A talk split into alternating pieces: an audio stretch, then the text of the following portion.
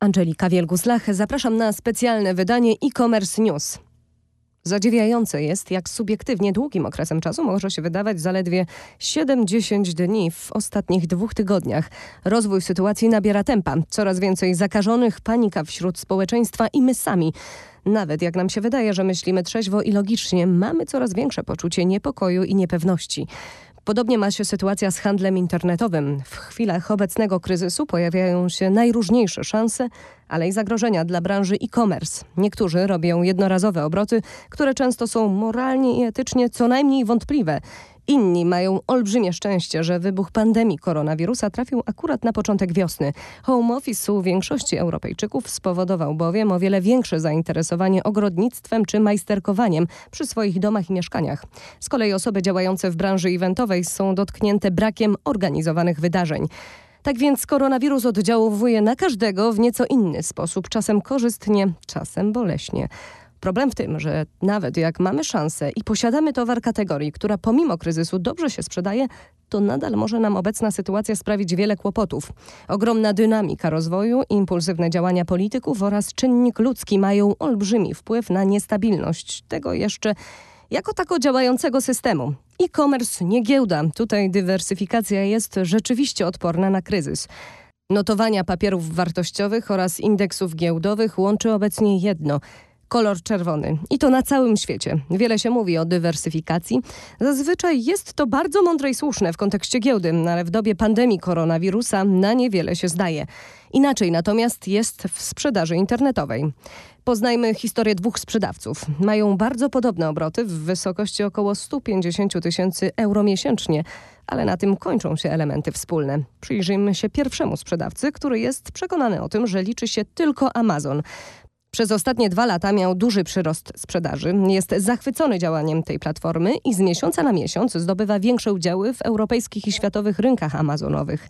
Sprzedawca ten doskonale opanował bardzo restrykcyjne zasady prokonsumenckie obowiązujące na tym rynku. Nie popełnia większych błędów i ma czyste statystyki.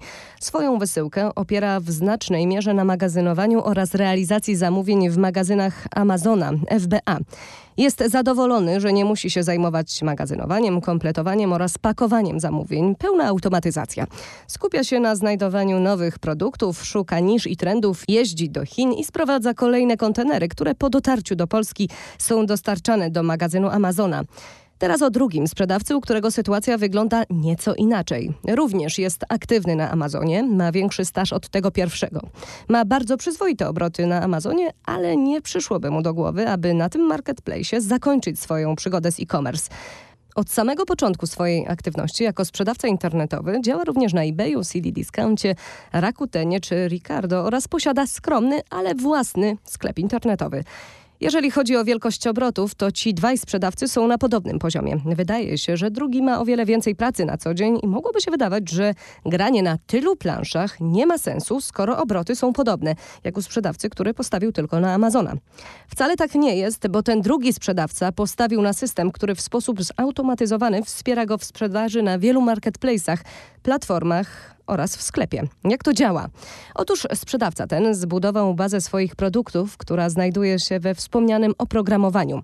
Stamtąd może wstrzyknąć swoją ofertę na ponad 40 różnych platform. A najlepsze jest to, że to rozwiązanie technologicznie ma wbudowany silnik sklepu i korzystając ze wspomnianej bazy, można go całkiem szybko postawić i uruchomić.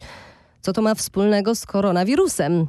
W aktualnej sytuacji każdego dnia mamy do czynienia z nowymi wyzwaniami, począwszy od Poczty Polskiej, która chwilowo zaprzestała wysyłki do krajów zagranicznych poprzez zamykanie granic oraz olbrzymie korki na granicach dla transportów wożących nasze produkty, aż po, no właśnie, nieobliczalny Amazon. Amazon z dnia na dzień przestał przyjmować produkty większości kategorii do swoich magazynów. No i teraz pierwszy sprzedawca miał poważny problem. Sprzedaż szła mu bardzo dobrze i właśnie dlatego chciał uzupełnić zapasy w magazynach Amazona. I dokładnie tutaj pojawił się problem, który sam stworzył. Uzależnił się od tego marketplace'u. Pierwszy sprzedawca stracił możliwość magazynowania oraz tym samym możliwość sprzedaży, bo nigdy wcześniej nie pomyślał o alternatywie. Jak sobie w tym czasie radzi drugi sprzedawca? Drugi sprzedawca również odczuwa problem w postaci braku możliwości uzupełnienia zapasów w magazynach Amazona. ale ma na to rozwiązanie. Wysyłkę wykonuje sam oraz za pomocą innych zewnętrznych partnerów fulfillmentowych. Swój towar do sprzedaży na eBayu i w sklepie musiał już wcześniej magazynować poza Amazonem. Teraz może spokojnie uzupełniać zapasy w tych magazynach i kontynuować sprzedaż. Nie straci nawet logotypu Prime przy swoich ofertach na Amazonie, bo korzysta z usługi Prime. Szybka dostawa do kupującego, jak w przypadku FBA, ale wysyłka z własnego lub zewnętrznego magazynu. Realizacja zamówień na Amazonie jest zatem w miarę bezpieczna dla niego. Ale co więcej, sprzedawca ten jest również aktywny na innych platformach. Sprzedaje na eBayu w kilku krajach, na CD Discouncie, Rakutenie oraz we własnym sklepie internetowym. Jest sprzedawcą omnichannelowym. Zdywersyfikował swoją sprzedaż. Nawet jeśli na Amazonie będzie miał zablokowane konto ze względu na opóźnienia spowodowane obecnym kryzysem, wciąż będzie miał konto na pozostałych platformach oraz własny sklep internetowy. Przetrwa, a ten pierwszy będzie miał gwarantowaną upadłość, jeżeli kryzys potrwa dłużej. Wiemy teraz, że warto być sprzedawcą omnichannelowym, ale jak to działa w praktyce? Wyżej wspomniany sprzedawca korzysta z Plenty Markets. Oprócz bazy produktów i możliwości tworzenia oferty na wielu platformach, jest to przede wszystkim system do zarządzania sprzedażą. Oznacza to w praktyce synchronizację stanów magazynowych, zarządzanie zamówieniami, fakturowanie, zarządzanie komunikacją z kupującymi oraz wbudowany sklep internetowy. I właśnie na tym sklepie, idąc wzorem gigantów, takich jak na przykład Asus, również ten sprzedawca postawił swój sklep internetowy. Nowoczesny, responsywny i bardzo szybki. Taki właśnie jest silnik sklepowy Plenty Markets, który jest dostępny dla wszystkich użytkowników. Drugi sprzedawca ma zatem obroty z platform Amazon, eBay, Rakuten oraz własnego sklepu internetowego. W czasie kryzysu nie jest narażony na upadłość, ponieważ zarówno ryzyko ze strony platformy, jak i ze strony magazynów i wysyłki towaru rozłożył na wiele kanałów. Co ciekawe, nie zawsze tak było. Sprzedawca ten również wywodzi się od czystych sprzedawców na Amazonie. Amazon bez wątpienia jest liderem rynkowym, ale absolutnie nie wolno się od niego uzależnić. Ani jeżeli chodzi o rynek zbytu, ani pod względem logistycznym. Nie tylko w czasach obecnego kryzysu, ale także w najlepszych czasach Amazon jest gospodarzem na własnym podwórku, na którym jest też sprzedawcą. Wy jesteście tym samym konkurencją i klientem w jednym. Jeżeli Amazonowi przestaniecie się podobać, to się was pozbędzie. Znajdzie na to sposób. Wiele już było takich przypadków. Tylko osoba dywersyfikująca swoją sprzedaż, sprzedawca omnichannelowy jest odporny na kryzys.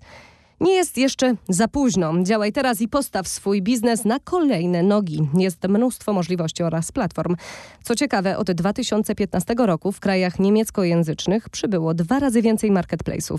Jest zatem zapotrzebowanie zwłaszcza na wyspecjalizowane platformy, na których możesz sprzedawać.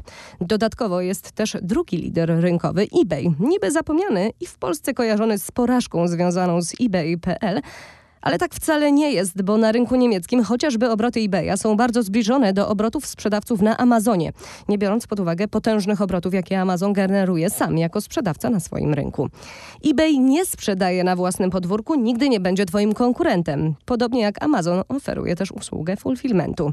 eBay Fulfillment działa na zbliżonej zasadzie jak FBA, tyle że jest obsługiwany przez zewnętrzne programy. Pierwszym z nich był wspomniany Plenty Markets, które służą do zarządzania tego rodzaju wysyłką już przez całą fazę beta. Teraz w już ogólnodostępnej wersji jest natywną opcją do współpracy z eBay, eBay Fulfillment oraz pozostałymi elementami silnej sieci sprzedaży omnichannelowej. Bądź ty takim sprzedawcą, który oprócz czerwonych liczb widzi również zielone w swoim portfolio sprzedaży.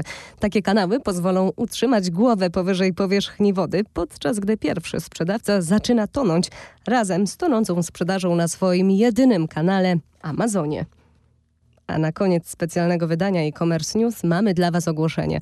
Wiele wydarzeń musiało zostać przeniesionych do świata wirtualnego. I tak, 7 kwietnia zapraszamy Was na webinar z aktualnymi informacjami dotyczącymi e-commerce w czasach koronawirusa.